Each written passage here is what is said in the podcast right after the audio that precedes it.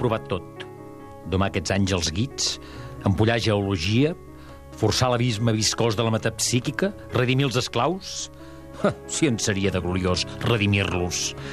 Però no es deixen...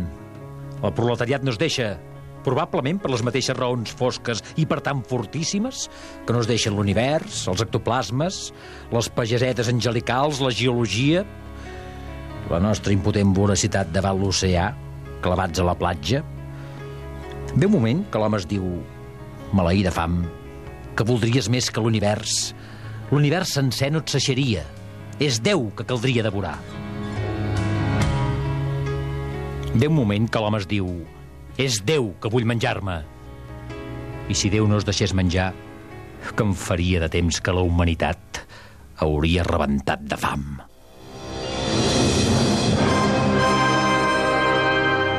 Catalunya Ràdio presenta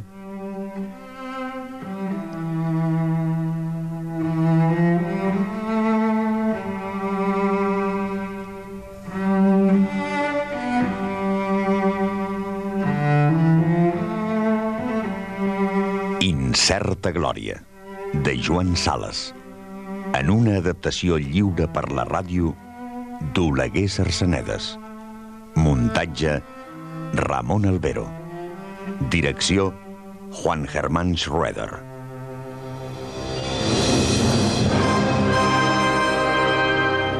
Incerta Glòria, de Joan Sales. Una producció de Catalunya Ràdio amb el suport del Departament de Cultura de la Generalitat de Catalunya. Extra, 15 artistes catalans al Palau Robert de Barcelona. Sergi Aguilar, Jordi Benito, Josep Manuel Broto, Tom Carr, Pep Duran Esteve, Gabriel, Francesc Llopis, Víctor Mira, Pere Noguera, Carles Pazos, Pere Jaume, Jaume Plensa, Riera i Aragó, Susanna Solano i Josep Uclés. Extra, 15 propostes artístiques d'intervenció en un espai. Palau Robert de Barcelona, del 22 d'abril al 24 de maig. Organitzat pel Departament de Cultura de la Generalitat de Catalunya amb el suport de Catalunya Ràdio. Catalunya. Endavant amb la cultura. Capítol 38. Tardor de fang.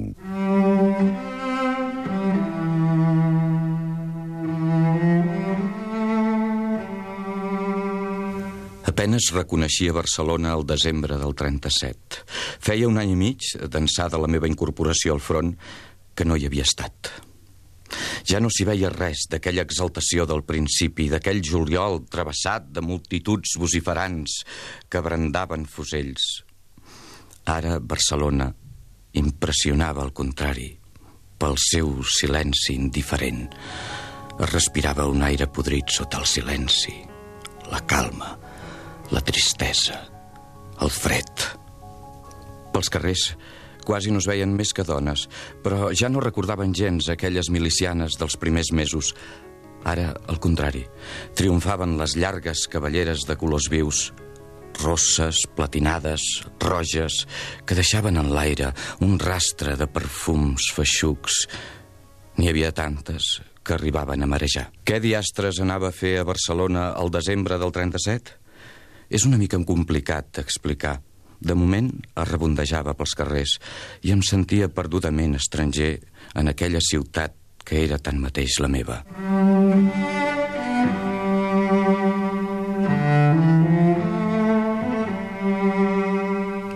En Solaràs havia desaparegut cap a la fi del mes d'octubre, d'una manera sobtada.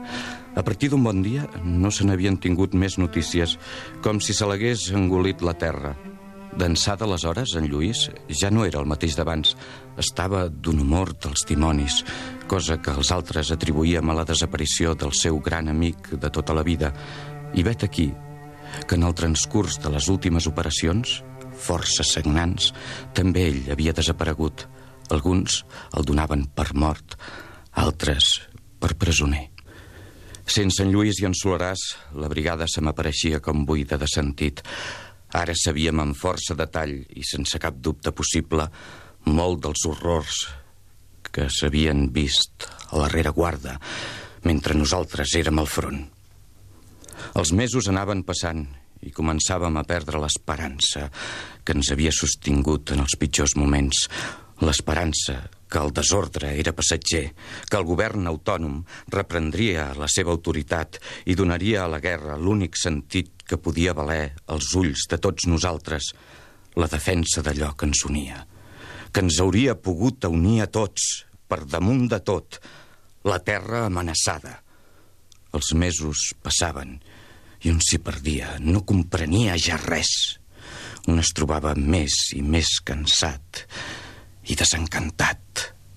Tant sacrifici, tanta sang, tant esforç, per què? Què defensàvem? Hi havia moments en què sentia com un remordiment, o almenys un dubte, de pertànyer al cantó republicà. Aquest sentiment se m'havia fet vivíssim d'ençà que em trobava tan sol, sense en Lluís i sense en Solaràs. Sense ells, jo havia caigut en una depressió, de què res no podia treure'm. D'altra banda, els combats anaven empitjorant. Les desbandades eren més i més freqüents. Les nostres companyies de fusellers granaders havien de prendre a l'assalt les trinxeres enemigues sense estar protegits en el seu abans pels tancs, ni pels avions, ni amb prou feines per un foc sostingut d'artilleria. Trobaven els filferros intactes que havien de tallar amb tisores de podar sota els focs creuats de les metralladores, alguns cosits de bales, quedaven enganxats a les espines, on s'assecaven el sol i el vent glaçat de l'estepa aragonesa.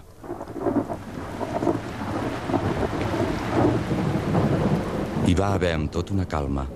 La tardor avançava i era molt plujosa. Aquell país que havíem conegut tan eixut uns mesos abans, ara s'havia tornat un fangar, on la marxa dels homes i fins la dels muls es feia cada vegada més difícil. El comandant va indicar als batallons de línia la conveniència d'acampar com poguessin, en previsió de fer-hi l'hivern.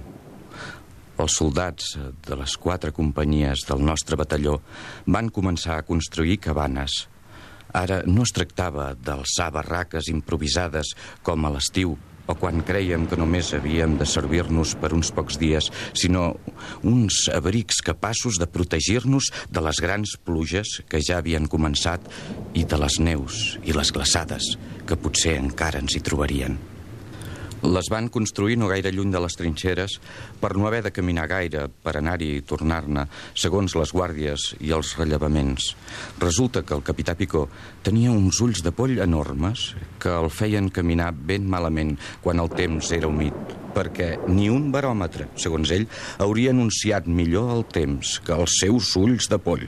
Va ser, doncs, a començos d'una tardor excepcionalment plujosa que vaig aconseguir convèncer-lo. Fins aleshores, totes les meves suggestions s'havien estavellat contra la seva incommovible decisió de conservar-los. Un dia van quedar que l'endemà jo hi aniria amb els estris necessaris. Havia de ser jo qui els hi estirpés i no cap altre. Si el doctor Puig intenta tocar-me, faré disparar contra ell totes les metralladores de la companyia. L'endemà, quan hi vaig compareixer, em van dir que era la trinxera. Feia per excepció un dia assolellat i el vaig trobar xerrant animadament amb dos soldats de la metralla.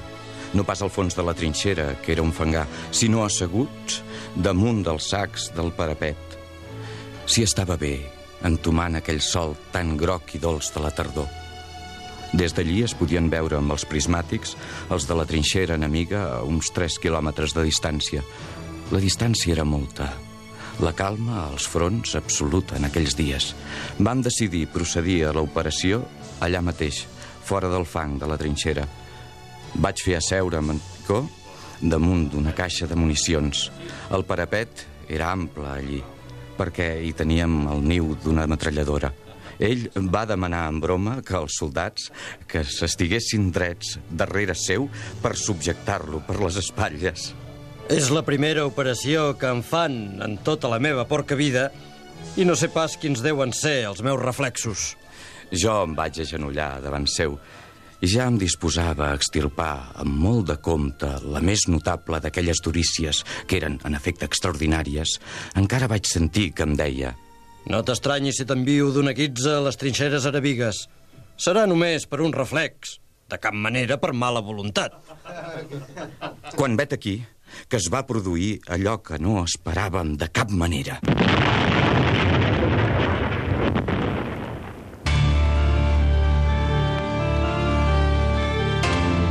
Una de les cabanes va saltar pels aires. Van sortir en totes direccions pals, portes, cabirons, teules... L'ona expansiva d'una de les rompadores ens va enviar tots quatre al fons de la trinxera. En Picó i jo ens vam poder alçar, sense altre dany que el masegament d'una caiguda tan violenta. Els dos soldats eren morts. A moments, les granades queien damunt d'alguna roca dels voltants i no podent enfonsar-se al tou de l'argila com les altres, escampaven bocins de metralla seca fins a gran distància. És aquesta metralla voladora que havia tocat a la cara als dos soldats que estaven drets mentre Picó i jo ens havíem salvat per aquesta vegada, gràcies a estar més baixos. Ja no hi havia dubte possible. Era una preparació artillera i seguiria indefectiblement un assalt d'infanteria. És en aquella ocasió que per primera vegada en tota la guerra em va pujar al cap la borratxera de sang, com els altres, com a tots. En comptes de tractar de reunir-me amb el doctor Puig i el de les lliteres, m'havia quedat a la trinxera amb en Picó. I ara veiem per una espitllera entre els sacs terrers els escamots enemics que avançaven molt escampats i de quatre grapes per entre la brossa, com si haguessin aparegut de sobte, a escassa distància de la nostra estacada. Em fascinava l'expressió de les seves cares, més que d'odi, d'estupor. Les nostres metralladores els anaven segant mentre ells tractaven de tallar els filferros, arrossegant-se entre les estaques. Devien tenir els tancs i els avions ocupats en un altre punt més important per ells. I allò potser no era més que una diversió, com es diu en la jerga militar. Per aquell temps ja no solien atacar sense tancs cap posició atrinxerada. Dos d'ells havien aconseguit desmunyir-se per davall dels filferros espinosos i ara es posaven drets i cridaven. ¡No disparéis!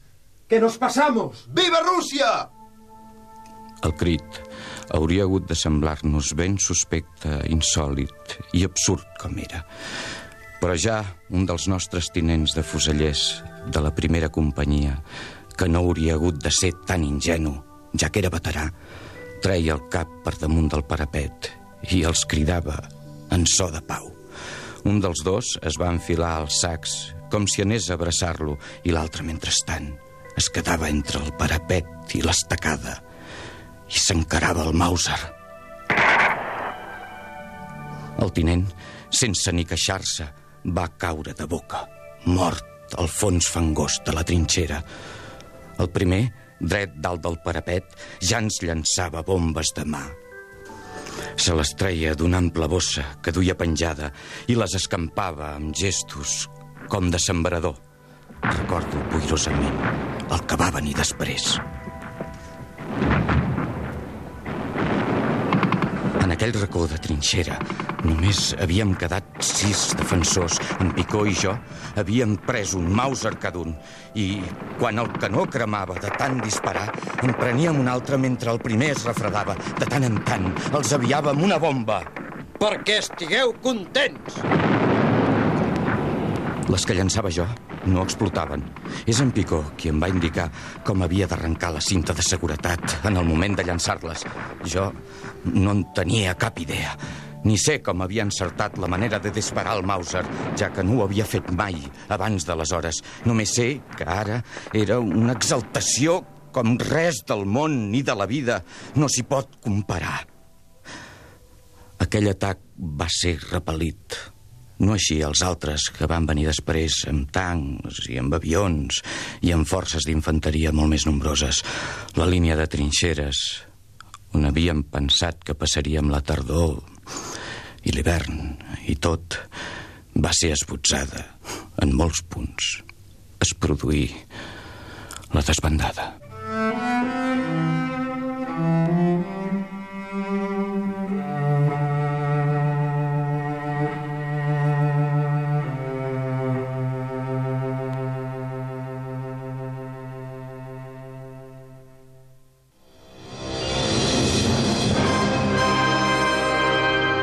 Heu escoltat el capítol 38 d'Incerta Glòria, de Joan Sales, amb les veus de... Cruells, Enric Major. Picó, Enric Cosí. Soldats, Fabià Mates i Joan Anton Ramoneda. Incerta Glòria, de Joan Sales, una producció de Catalunya Ràdio. Amb el suport del Departament de Cultura de la Generalitat de Catalunya. Extra, 15 artistes catalans al Palau Robert de Barcelona. Sergi Aguilar, Jordi Benito, Josep Manuel Broto, Tom Carr, Pep Duran Esteve, Gabriel, Francesc Llopis, Víctor Mira, Pere Noguera, Carles Pazos, Pere Jaume, Jaume Plensa, Riera i Aragó, Susanna Solano i Josep Uclés. Extra, 15 propostes artístiques d'intervenció en un espai. Palau Robert de Barcelona, del 22 d'abril al 24 de maig. Organitzat pel Departament de Cultura de la Generalitat de Catalunya amb el suport de Catalunya Ràdio. Catalunya. Endavant amb la cultura.